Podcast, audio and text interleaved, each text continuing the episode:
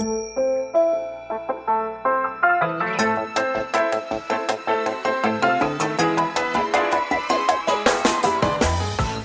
lieve luisteraars, welkom bij de Stories of Inspiration podcast van What's Your Story.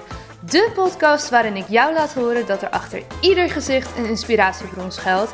En waarin ik jou heel veel tips ga geven over hoe jij meer naar buiten kunt treden met jouw authentieke verhaal. Heel veel plezier met luisteren en na afloop ben ik onwijs benieuwd wat je ervan vond. Stuur me een berichtje via Instagram als je wil reageren, als je vragen hebt of als je jouw verhaal ook zou willen delen. Veel plezier met luisteren!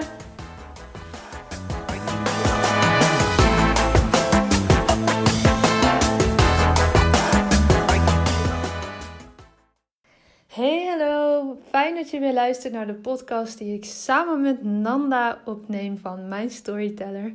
Vandaag gaan we het hebben over waarom storytelling zo belangrijk is voor jouw bedrijf en hoe je dat kunt gaan inzetten. We hebben het over wat is storytelling nu eigenlijk? Waarom is die emotie nu zoveel belangrijker dan de ratio, de emotie die je in verhalen veel beter kwijt kan dan in cijfertjes bijvoorbeeld? We hebben het terloops over multipotentialites, over waarom je soms, waarom sommigen van ons een afkeer hebben tegen die eeuwige why. waarom moet je nu zo precies weten waarom je doet wat je doet? Uh, we vertellen waarom dat aan de ene kant heel erg belangrijk is en heel veel verschil kan uitmaken voor je bedrijf, maar aan de andere kant ook voor weerstand zorgt bij sommige mensen. En uh, we sluiten af met een heel verhaal over de kracht van kwetsbaarheid en wat nu eigenlijk maakt dat mensen makkelijker met jou verbinden als jij online en offline jezelf wat kwetsbaarder opstelt. Nou, een heleboel in een aflevering van een half uur. Ik wens je heel veel luisterplezier. Hier ben ik samen met Nanda.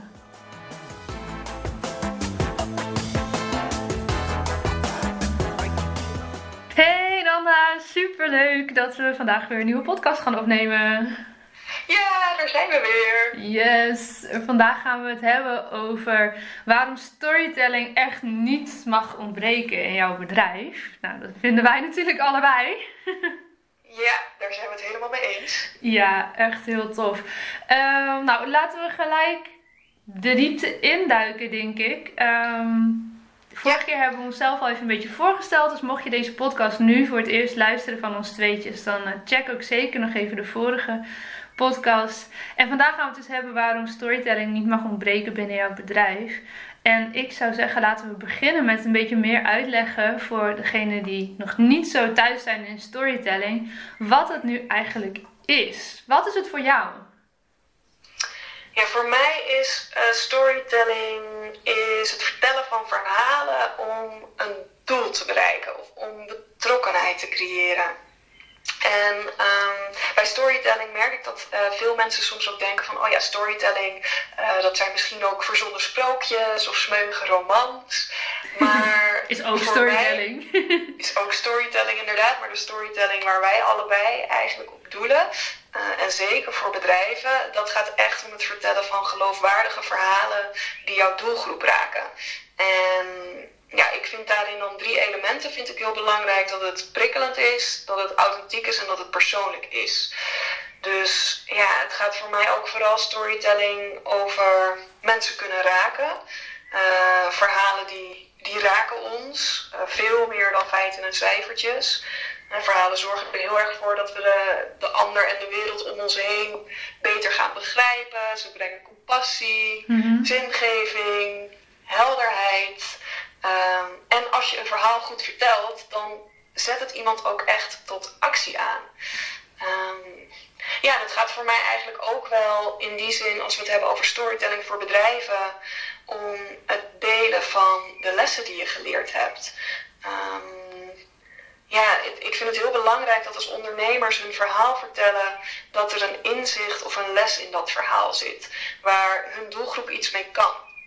Ja. Waardoor een doelgroep hem beter leert kennen. Want daardoor uh, voelen mensen zich veel meer verbonden met ja, de ondernemer zelf of met het bedrijf zelf. Uh, ze worden uitgedaagd om misschien over hun eigen lessen na te denken. Ze vinden, ze vinden herkenning, uh, ze raken geïnspireerd. Um, dus dat is eigenlijk nou ja, niet zo heel beknopt, maar dat is dus nou, ja, ik vind het mooi. storytelling voor mij is. Er zit zoveel overlap in met hoe ik storytelling zie en ervaar. Uh, ja, volgens mij kunnen we uh, gewoon weer ophangen. Dit was prachtig, dankjewel. Nee hoor. Gaan we niet doen. Nee, maar uh, ik vind het mooi dat jij ook bijvoorbeeld authenticiteit noemt. En prikkelend zei je. Um, ja. voor mij, uh, ik, ik vind ook eigenlijk altijd authenticiteit heel belangrijk daarin. Maar uh, de twee die ik er graag bij voeg zijn verbinding en passie. Die vind ik heel uh, belangrijk in nou ja, persoonlijke verhalen delen. dat er een bepaalde urgentie achter zit ook. Ik zit natuurlijk heel erg uh, op de persoonlijke verhalen en die inzetten voor je bedrijf. Dus nou ja, wat jij al zei, hè, de dingen die je hebt meegemaakt, welke lessen zitten daarin, welke inzichten, welke ervaringen. Dat is super waardevol voor bijvoorbeeld je volgers bij, op social media. Uh, wat voor jou heel gewoon is, kan voor de ander super uh, inspirerend en leerzaam zijn. Of steunend, empowerend. dat, ja, weet je, daar kan je zoveel mee losmaken bij mensen. Maar ik vond het vooral mooi dat je begon eh, met, ja, het is eigenlijk het vertellen van verhalen. Zo simpel um, maak ik hem eigenlijk ook vaak als mensen vragen van, uh, ja, ja oké, storytelling, maar wat is dat dan eigenlijk? Ja, weet je, als jij een verhaal kan vertellen aan de uh, dinertafel met vrienden of tijdens een verjaardagsfeestje, dan kan je ook storytelling inzetten voor je bedrijf. Als je kan praten, als je kan schrijven, dan kan je storytelling gebruiken. Ja, we doen het eigenlijk de hele dag door. Hè? Ook uh, uh, bij, de koffie, bij de koffieautomaat vragen: uh, Goh, wat heb jij dit weekend meegemaakt? En dan vertel je een verhaal. Of inderdaad op een verjaardag. ja, we zijn continu verhalen aan het vertellen en doen ook continu aan storytelling. Maar ja, voor bedrijven zit er natuurlijk wel nog net eventjes een, een, een extra twist aan. om het ook interessant te maken voor de doelgroep die je wil bereiken. Ja, want wat is die twist voor jou? Nou, die twist voor mij is dus dat je bij storytelling uh, als bedrijf zijnde dus heel goed nadenkt over wie wil ik bereiken met mijn verhaal. Mm welke betrokkenheid wil ik dus creëren. Ja, en dat je dan in je eigen verhaal gaat kijken naar welke stukjes daarvan aansluiten. Ja. Uh, waar jouw doelgroep echt iets aan heeft. Dus um, ik noem maar eventjes iets. Stel, uh, je bent loopbaancoach, dan ga je op zoek naar thema's en onderwerpen die interessant zijn voor jouw doelgroep. En die thema's en onderwerpen, die koppel je dan aan verhalen uit je eigen leven. Ja. Uh, maar ik kan ook, uh, als loopbaancoach, heb je misschien ook een fantastisch verhaal over die keer dat je de kat van de buren uit de boom redde. en dat is een fantastisch verhaal voor op een verjaardag, of dat is een fantastisch verhaal voor bij de koffieautomaat. Maar dat is dan niet het verhaal wat je vertelt binnen je bedrijf. Nou, dat hoort dan niet bij het stukje uh, storytelling wat je gaat doen binnen je bedrijf. Ja, ja mooi verteld. Hey, en waarom zijn um, verhalen dan wat jou betreft belangrijker of mag dat meer aanwezig zijn in je bedrijf dan feiten die je ook zou kunnen delen? Cijfertjes uh, over jouw vakgebied? Ja, ja nou eigenlijk um, vertellen wij al eeuwenlang verhalen. Hè, rondom het kampvuur vroeger werd kennis via verhalen werd gedeeld. En het is onze meest natuurlijke manier van communiceren. En ze zeggen dat onze hersenen uh, zo geprogrammeerd zijn dat ze verhalen dus beter onthouden dan kale feiten en cijfers. Omdat wij dus ja, door de evolutie zo gewend zijn om verhalen tot ons te nemen, springt ons brein eigenlijk gewoon direct aan wanneer wij een verhaal verteld krijgen. Dat brein dat denkt dan, hé, hey, ik moet opletten, want hier zit belangrijke informatie zit hierin. Um, dus je kan als bedrijf kun je veel feiten en cijfertjes delen, maar dat blijft niet zo hangen bij de mensen die je wilt bereiken. Dat, dat gaat het ene oor in en het andere oor weer uit. Terwijl je eigenlijk natuurlijk juist impact wil maken. En je wilt juist graag dat er iets gebeurt bij mensen. Uh, dat er een gevoel wordt opgewekt, of uh, dat ze inderdaad het goed onthouden, of dat ze gaan nadenken over hetgeen wat je vertelt. En, ja, en dat bereik je dus door, door die verhalen te vertellen, niet zozeer um, door feiten en cijfertjes te, te delen. En ik heb daar ooit, heb ik daar trouwens, dat schiet me nu te binnen. Ik heb daar ooit heb ik daar een heel mooi voorbeeld van gehoord van uh, Ilko de Boer. Mhm. Die kennen we denk ik allemaal wel, bekende internet. Als je hem nog niet kent, zoek hem zeker eens even op. Ja, hij heeft ehm, jaren geleden, dat, dit vertelde hij in een podcast, dat hij heeft jaren geleden uh, had hij de aanname dat hij als spreker op een seminar zoveel mogelijk kennis met zijn publiek moest delen. Dus in twee uur knalde hij dan zijn, al zijn wijsheid aan de hand van tips en feiten, dat knalde hij er allemaal doorheen. Maar hij zag dus continu van die knikkenbollende hoofden in de zaal. en hij dacht dan, jeetje, hoe kan dat nou? Ik deel zoveel informatie. Ik geef zoveel tips, zoveel feiten, zoveel waardevolle informatie. En mensen vallen gewoon in slaap terwijl ik dit deel. Maar uiteindelijk um, is hij dus diezelfde wijsheid, is hij gaan verpakken in een verhaalvorm. En is hij dat op die manier gaan delen. En hij zei dus, ik zag dus letterlijk gebeuren dat het publiek me aan zat te staren met ogen zo groot als schoteltjes en op het puntje van hun stoel zaten. Dus van die knikkenbollende hoofdjes bij de feiten en cijfertjes, uh, nou ja, is, heeft hij dus gewoon echt dat brein aan kunnen krijgen door dat te verpakken in verhalen. Uh, ja. ja. dat vond ik zo'n mooi voorbeeld. Dat is me altijd bijgebleven. Dat ik dacht, wauw, ja, zo zie je maar weer dus hoe belangrijk het is en hoe dat dus inderdaad voor ons werkt. Ja, het is ook heel vaak zo dat mensen vergeten wat je allemaal hebt verteld. Wat je zegt, hè, wat Ilko allemaal vertelt in die twee uur, of wat jij of ik vertelt uh, in een cursus. Ja, wat je allemaal precies zegt, dat, dat vergeten mensen vaak. Maar hoe je iemand ja. voelen, dat is iets wat je soms jarenlang bij kan blijven. Precies, ja. Ja, en, en voelen, dat, dat gaat gewoon niet met feiten en cijfertjes. Dat gaat alleen in verhaalvorm. En ik denk ook zelfs nu, eh, als mensen deze podcast luisteren, dan denk ik dat hetgeen wat ze het meest zullen onthouden uit deze podcast is het verhaaltje dan wat ik nu net heb verteld over ja. de Boer. Ja, dat zou goed kunnen. Omdat dat is een verhaalvorm. ja, ja. ja, precies, ja. Nou, Ilko, alsjeblieft. krijgen, ja. ja. ja. ja. Ja, dus eigenlijk, ehm, ja, wat we daarmee willen zeggen is ook van mensen uh, haken aan op jouw bedrijf op basis van emotie, uh, op basis van verhalen, veel meer dan uh, op feiten en cijfers. En ik denk dat we daar ook een hele mooie vertaalslag kunnen maken naar waarom mensen wel of niet iets bij jou kopen, een dienst of een product. Ja. dat mensen dat dus doen op basis van emotie, veel meer dan op basis van ratio. Ja, zeker. Ja, het is inderdaad net al wat jij, wat jij aangaf, dat het echt gaat om het gevoel dat je opwekt. Ja. Um, als, je dat, als je een gevoel weet op te wekken bij iemand, ja, dan is diegene is veel sneller geneigd om tot actie over te gaan. Dan als er nul gevoel um, bij zit. En, en mensen kopen vaak weet je, die kunnen dezelfde dienst of hetzelfde product ook bij heel veel uh, andere mensen wel kopen. Of huren of, of inzetten. Maar ze komen bij jou om jou. En op de uh, emotie die jij hebt doorgegeven al in de weken of de maanden of de jaren daar voorafgaand dat iemand je volgt. Ja, ja, precies. Ja, en ik, ik gebruik in, uh, in mijn workshop gebruik ik altijd een voorbeeld over, um, nou ja, stel als je in de supermarkt staat en je bent op zoek naar sojasaus. En je hebt twee merken, merk A en merk B. En sojasaus A wordt gemaakt door een grote multinational die puur gericht is op het maken van winst. Er staat, er staat niks verder interessants op de verpakking, alleen de ingrediënten um, en dat is het. En sojasaus B wordt gemaakt door een van oorsprong klein familiebedrijf.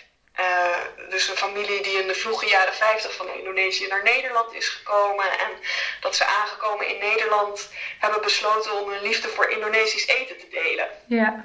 Dat ze hun familierecepten zijn gaan verkopen in Nederland. Nou, als je zo'n verhaaltje op uh, de verpakking ziet staan, van welk bedrijf zou jij dan sojasaus kopen? Ja, duidelijk lijkt me. Ik zou bij een familiebedrijf ja. kopen, ja ja, de kans is gewoon veel groter dat, dat je door dat verhaal wat op de verpakking staat, dat je dan een warm gevoel krijgt bij het lezen daarvan. En dat je denkt, ah, dit is mooi. Ja, dit, dit, dit, voelt, dit voelt goed en mooi, een familiebedrijf. En ja, dan is de keuze is denk ik wel, uh, wel makkelijk gemaakt. Ja. ja, en daardoor is denk ik ook wel heel mooi dat je dat zo zegt van hè, die familie die hierheen komt en dan uh, een liefde voor deze gerechten gaat delen. Daar zit een hele uh, diepe emotie, een diepe, nou ja, why bijna in. waarom ze doen wat ze doen. En ik denk dat storytelling ook heel erg gaat over, ja, noem het afgezaagd of niet, maar over de why. Waarom doe je wat je doet? Ja. En als je dat laat zien, of dat nou uh, online is, offline, als we straks weer offline mogen netwerken uh, na de coronatijd. Uh, ja, als dat in lijn is met elkaar, en mensen echt, uh, ja, ik hoor dat heel vaak. Ik vind dat het mooiste compliment wat, wat, mensen mij kunnen geven als het gaat om mijn social media. Van, oh ja, ik heb echt het gevoel dat ik jou al een beetje ken. Als ik ze dan offline ineens ontmoet of uh, met ze bel één op één. Ja, ja, ik volg je een tijdje. Ik heb echt het gevoel dat ik jou ken. Ja, oh, je bent net zoals op je social media. Nou ja, dat is natuurlijk het mooiste compliment wat je kan krijgen. Dan gaat daar iets goed in hoe je die why en je, dus je missie en je passie, de verbinding die je legt met mensen over kan brengen. Door middel van storytelling. Dat mooi. Ja, dat is zo mooi. Ja, en ik heb dus ook wel eens um, ondernemers horen zeggen, dat heb ik op social media wel eens voorbij zien komen. Ik ben benieuwd wat dat dan met jou doet, als je deze uitspraak hoort. Dat, we, dat ja, ik zie wel eens de uitspraak voorbij komen van mensen dat ze die why zo zat zijn. Mhm. Dus dat ze dat niet meer, uh, ja, dat ze daar moe van worden, dat er continu een focus wordt gelegd op waarom doe je wat je doet. Ja. Um, nou ja, ik vind daar denk ik twee dingen van. Aan de ene kant uh, snap ik het wel. Uh, want het, er is ook niet voor iedereen één hele duidelijke why. Er is een hele mooie TED-talk over multipotentialites als ik het goed uitspreek. Uh, Over mensen die meerdere passies hebben en meerdere dingen heel goed kunnen en ook vaak goed kunnen combineren met elkaar. Zijn vaak creatieve mensen. Uh, die voelen onrust bij ik moet één why hebben. Want die voelen dat niet zo. En ik herken me daar deels in. Ik heb ondertussen wel heel duidelijk voor mezelf waarom ik doe wat ik doe. Maar ik dwaal ook makkelijk af omdat ik heel veel andere dingen ook leuk vind. En uh, ook, ook kan niet per se alles even goed of zo. Maar als ik daar dan in zou duiken, dan zou ik dat kunnen leren. En dat zijn, het zijn heel veel mensen die, die daarmee struggelen. Dat de maatschappij zegt, ja maar je moet één passie hebben. Je moet één ding heel goed kunnen. Uh, daar moet je expert in worden. Zeker in het ondernemerswereldje. Uh, want anders dan weet de klant niet waarvoor ze bij jou moeten zijn. Hè? En, en dat, dat is ook allemaal zo. Dat, dat wordt ook lastiger als jij niet duidelijk weet wat je doet en waarom je dat doet. Uh, maar ik snap dat daarbij een bepaalde groep mensen dus wel een bepaalde weerstand zit op die why. Omdat zij anders in elkaar steken. Meestal. Aan de andere kant um, denk ik wel dat als je het heel scherp weet en voelt en echt daar helemaal op ingetuned bent, uh, helemaal mee in lijn bent, dat al je acties daar zoveel makkelijker uit voortvloeien. Want dan weet je dus waarom je doet wat je doet. En als iets daarbij past in die lijn, dan doe je het. En als het er te ver van afwijkt, dan doe je iets niet. Of dan, dan zeg je nee tegen een bepaald uh, verzoek van iemand of een bepaalde opdracht uh, die, die voorbij komt. Um, dus weet je dat, en hoe specifieker je daarin bent, hoe makkelijker jouw ideale klant je weet te vinden. Eigenlijk wil je op een gegeven moment dat je berichtjes krijgt: hey, ik zag dit en dit aanbod van jou. Is dat ook voor mij? Dat mensen dus gaan twijfelen van. Oeh, is het wel voor mij? Want het is zo specifiek voor diegene eigenlijk geschreven. Hoor ik, is dit ook voor mij? En het, het antwoord is meestal ja, dit is ook voor jou. Maar doordat je hem zo scherp wegzet, Ehm, kan je die groep voor wie het zeker is veel makkelijker aanspreken. En dat wordt gewoon makkelijker als je heel duidelijk weet wat jouw why is. En, en alle verhalen die je daar dan aan ophangt. Ja, weet je, ik, ik, als je mijn social media bekijkt, dan gaat het allemaal over persoonlijke verhalen. Persoonlijke verhalen van mij, van mensen met wie ik samenwerk. Uh, in de podcast zijn allemaal persoonlijke verhalen. Ja, als je daar geen zin in hebt, dan moet je mij vooral niet volgen. ja, maar als je uh, net als ik geloof dat er achter ieder gezicht een inspiratiebron schuilt. En net als ik nieuwsgierig ben naar de verhalen achter dat gezicht. ja, weet je, dan moet je bij mij zijn. Dat is waar, waar mijn hart sneller van gaat kloppen en waar ik alles aan ophang. Dus ja, weet je, in die zin vind ik het tweeledig. Ik snap de weerstand rondom de why. Zeker voor een bepaalde groep mensen die daar gewoon minder mee heeft. En ook voor de groep mensen die daar misschien wel heel veel mee heeft, maar denkt, ja, nou, nu weet ik het wel. dat is nog weer een ander stukje. Aan de andere kant ben ik er wel heel erg fan van om juist door te vragen op, ja, maar waarom vind je dit dan belangrijk? Waarom doe je dit? Wat maakt dat jij dit zo uh, essentieel vindt om hiermee bezig te zijn? Om op die manier echt naar de kern te komen van ja, jouw missie toch? Ja ik, vind, ja, ik vind dat heel mooi hoe je dat omschrijft en ook hoe je het onderscheid maakt um, in mensen die multipotentialite zijn. Want daar, nou ja, ik, ik kan mijzelf daar zeker in herkennen, in multipotentialite. En ik merk ook dat mijn why is ook gegroeid met mijn onderneming. Ja. Um, en ik denk dat veel mensen bang zijn dat als ze eenmaal een why hebben gekozen, dat dat hetgeen is waar ze echt als anker jarenlang aan vast moeten houden. Maar je why schuift natuurlijk, het, het schuift met je mee naarmate, ja, naarmate jij groeit. Het, ontwikkelt met, met, ja, het ontwikkelt met je mee. En um, toen ik begon, toen uh, was mijn why heel erg gericht op ik wil um, ervoor zorgen dat mensen hun hun persoonlijk verhaal gaan delen. Ik wil zorgen voor meer connectie, meer verbinding. Uh, dat de ondernemers echt op een persoonlijkere manier gaan ondernemen. En langzamerhand, naarmate ik mijn sessies ben gaan doen, ontdekte ik, wauw. Maar er, er gebeurt zoveel meer eigenlijk dan alleen die rode draad die ik vind. En alleen um, de, uh, de missie bijvoorbeeld die ik vind. Ja. En mensen krijgen meer zelfvertrouwen, mensen krijgen meer zelfliefde, mensen doen allerlei mooie inzichten op over zichzelf. Ja. Um, en daardoor is eigenlijk mijn why is steeds breder geworden ook. Ja, ja dat, ik herken dat wel hoor. Ik herken dat ja. wel bij mij, weet je, er zit natuurlijk, uh, iedere ondernemer heeft een bepaalde trap in, in wat je aanbiedt aan diensten of producten. En bij mij is dat ook in die trainingen die ik één op één geef, waar ik een hele dag bezig ben met mensen en met hun verhaal. Uh, weet je, dan, dan gaan we natuurlijk op zoek naar de kern van je verhaal, naar de rode draad van je verhaal. Maar er gebeurt zoveel meer op zo'n dag. Wat jij ook zegt, er komt, komen zoveel mooie inzichten, er komen, uh, komt meer zelfvertrouwen, er komt meer kennis en, en, en ervaring rondom hoe je met een goede mindset kan werken aan je zichtbaarheid. Ja, het is en, en het is ook bij iedereen weer anders wat, uh, wat er naar boven komt. Uh, en soms is het zelfs ook puur een hele dag gehoord en gezien worden. Wat al zoveel helpt voor mensen in hun vertrouwen en in hun rust om je bedrijf te runnen. Gewoon dat er een hele dag even alleen maar aandacht is voor jou en jouw bedrijf en jouw verhaal. Ja, alleen dat al doet heel veel. Maar voor wie uh, nieuwsgierig is, uh, die video van Multipotentialite, ik kan het bijna niet uitspreken. Volgens mij heet zij Emily Wapnick, zoiets. En uh, ik denk als je daarop googelt, de video heet volgens mij Why Some of Us Don't Have One True Calling. Als je dat intoetst, dan krijg je hem zeker ervoor. Dat kan bijna niet anders. Het is namelijk een heel goed bekeken video. Ja, mooi.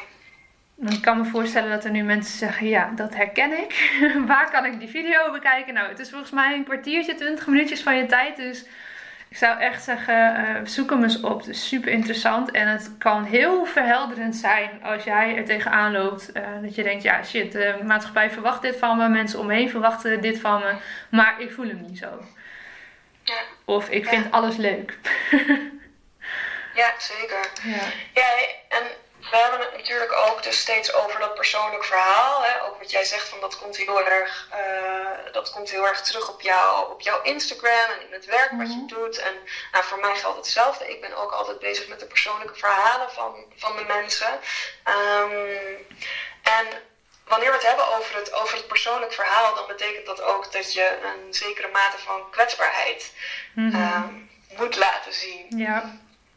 En ja, die kwetsbaarheid, daar schuilt zoveel kracht in. En tegelijkertijd is dat zo eng om, daar, om daar aan toe te geven.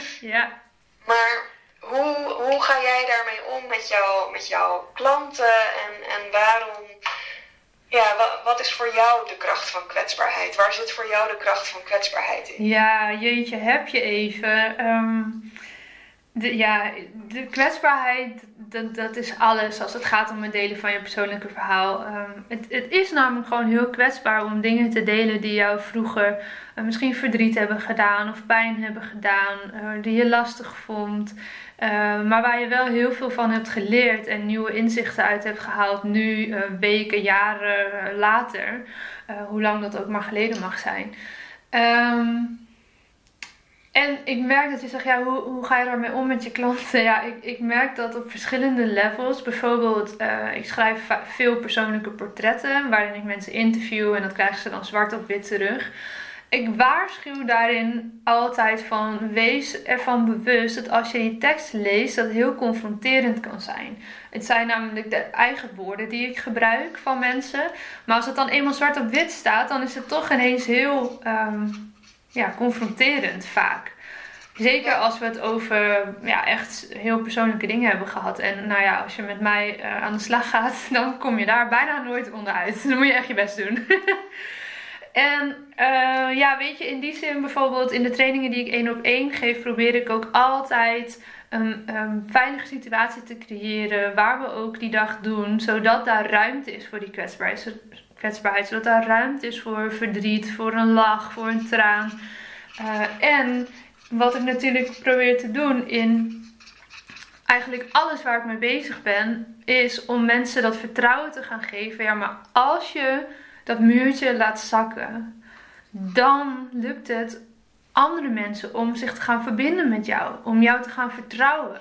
Als jij alleen maar de mooie plaatjes laat zien en, en de mooie buitenkant laat zien, ja, sorry, maar mensen voelen dat. Die voelen dat het nog niet helemaal echt is. Die voelen dat jij jezelf nog terughoudt. Die voelen dat jij nog niet gaat staan helemaal voor wie je bent en wat je doet. Uh, dat je zelf misschien nog twijfelt, nog niet durft, uh, jezelf nog niet volledig ziet. En, als, als, jij jezelf al niet helemaal ziet staan, je bedrijf en jezelf, ja, hoe kan iemand anders jou dan zien? Dus in die zin is het, ja, het is gewoon essentieel om kwetsbaar te durven zijn. Um, en wat ik altijd meegeef aan mensen als ze echt nog bijna bij nul beginnen, uh, nog maar net op social media hiermee beginnen. Begin met kleine dingen die voor jou nu al veilig voelen en die vertrouwd voelen. Begin met dingen die gewoon niet super eng of spannend zijn om te delen.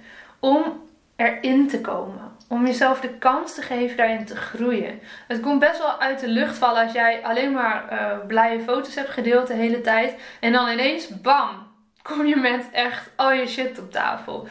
Uh, ja, weet je, kijk altijd wat is daarin de message die ik wil doorgeven. En wat is misschien een stukje mes van dit verhaal. Hè, waar mensen dus, zoals ja. we net in het begin ook al over hadden, waar, mensen, waar klanten niets mee kunnen. Of volgers niks mee kunnen.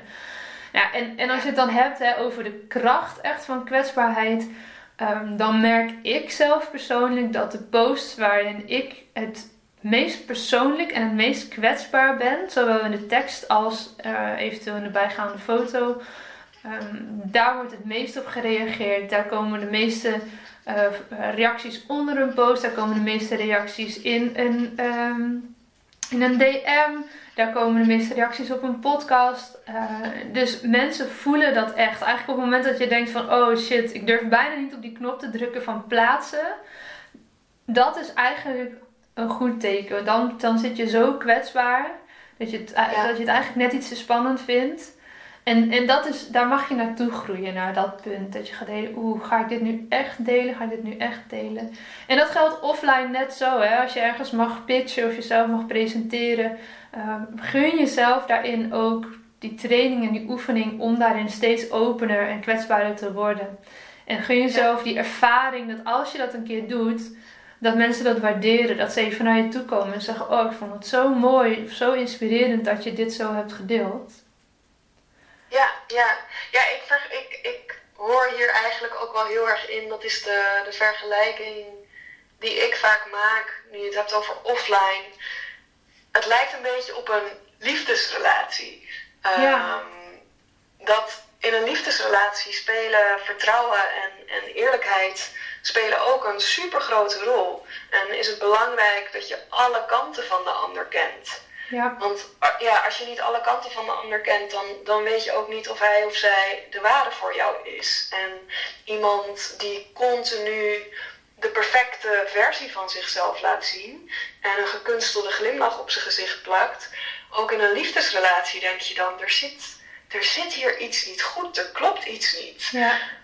Dus eigenlijk zie ik uh, kwetsbaarheid, ja, in die zin de kracht van kwetsbaarheid, maar ook storytelling, zie ik, uh, ja, zie ik wel een beetje als het aangaan van een duurzame liefdesrelatie, maar dan met je, met je potentiële klant. Ja. En ja, dat je dus juist gaat laten zien wie je bent, waar je in gelooft, wat je persoonlijke waarden en normen zijn. En ja, met, met marketing heb ik vaak het idee, echt, hè, echt harde marketing heb ik vaak het idee dat dat heel erg geforceerd wordt. Um, ja, doordat er een eenzijdig, eenzijdige kant wordt getoond.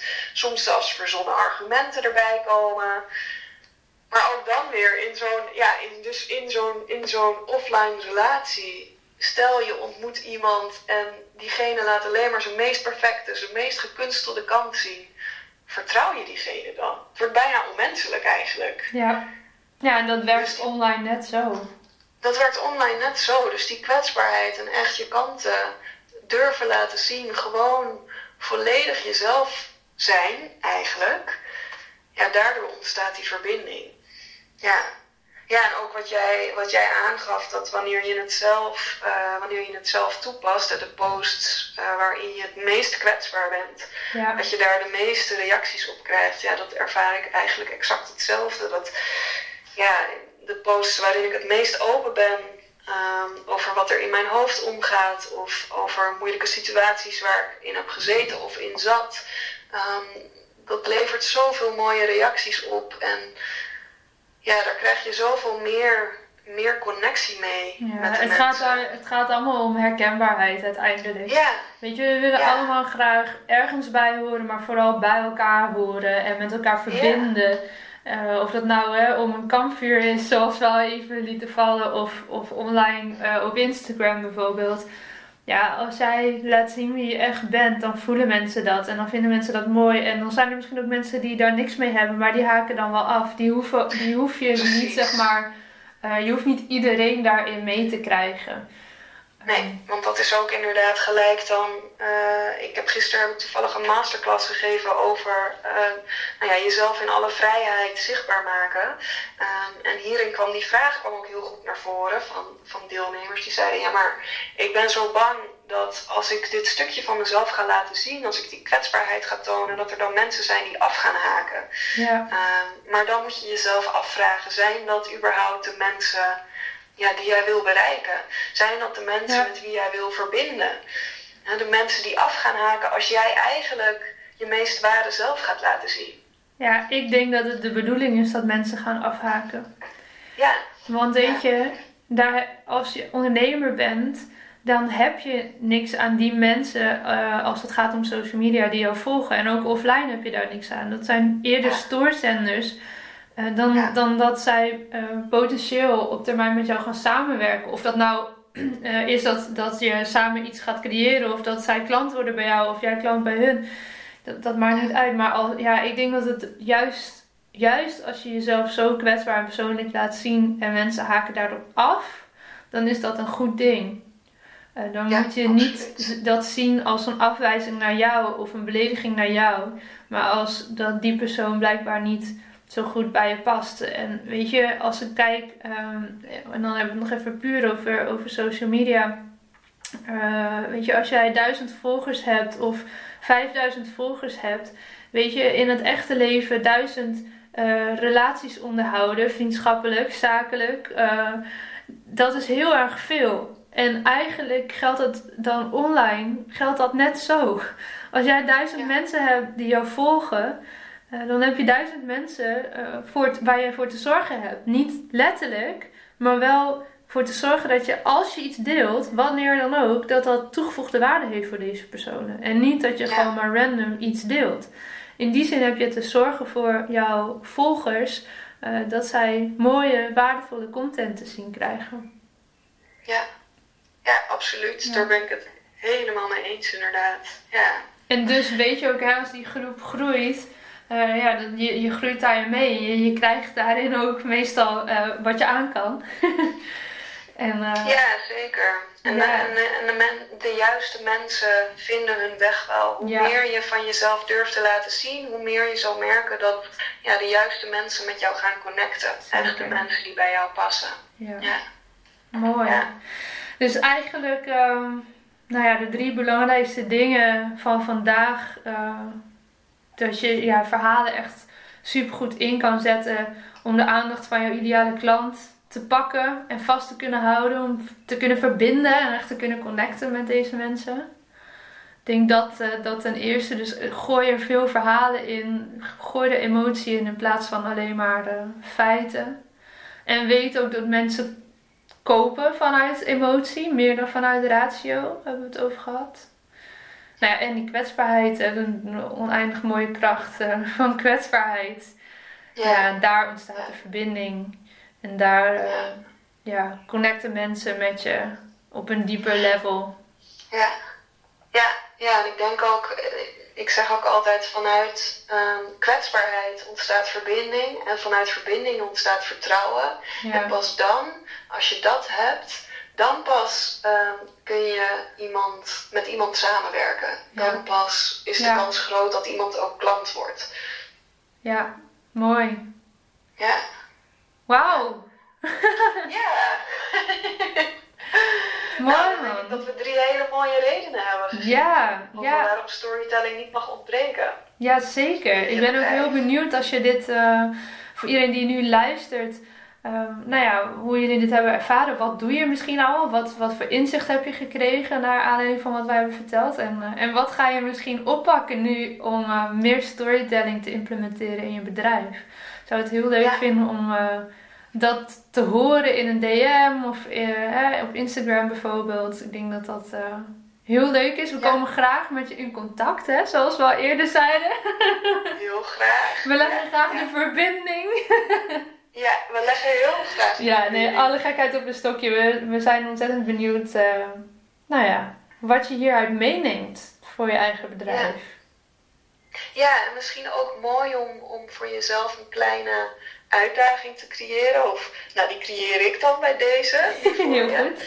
Um, dat, um, ja, dat je iets kan gaan posten waarbij je misschien denkt, oeh, dit vind ik best wel spannend. Ja. En zoals Lotte inderdaad al heel mooi zei, doe dat dan wel stapje voor stapje. Dus je hoeft niet gelijk je hele ziel en zaligheid uh, open te gooien. Als dit de eerste keer wordt dat je misschien iets meer kwetsbaar, uh, ja, iets, iets, jezelf iets kwetsbaarder op gaat stellen.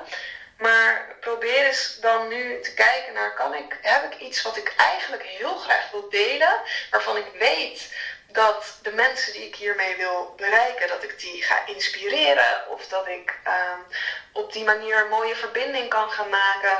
En probeer dan dit keer wel op de send button te drukken of op de post button. En kijk dan eens wat dat doet. Ja, en wat er dan ontstaat. Dan nog een laatste aanvulling.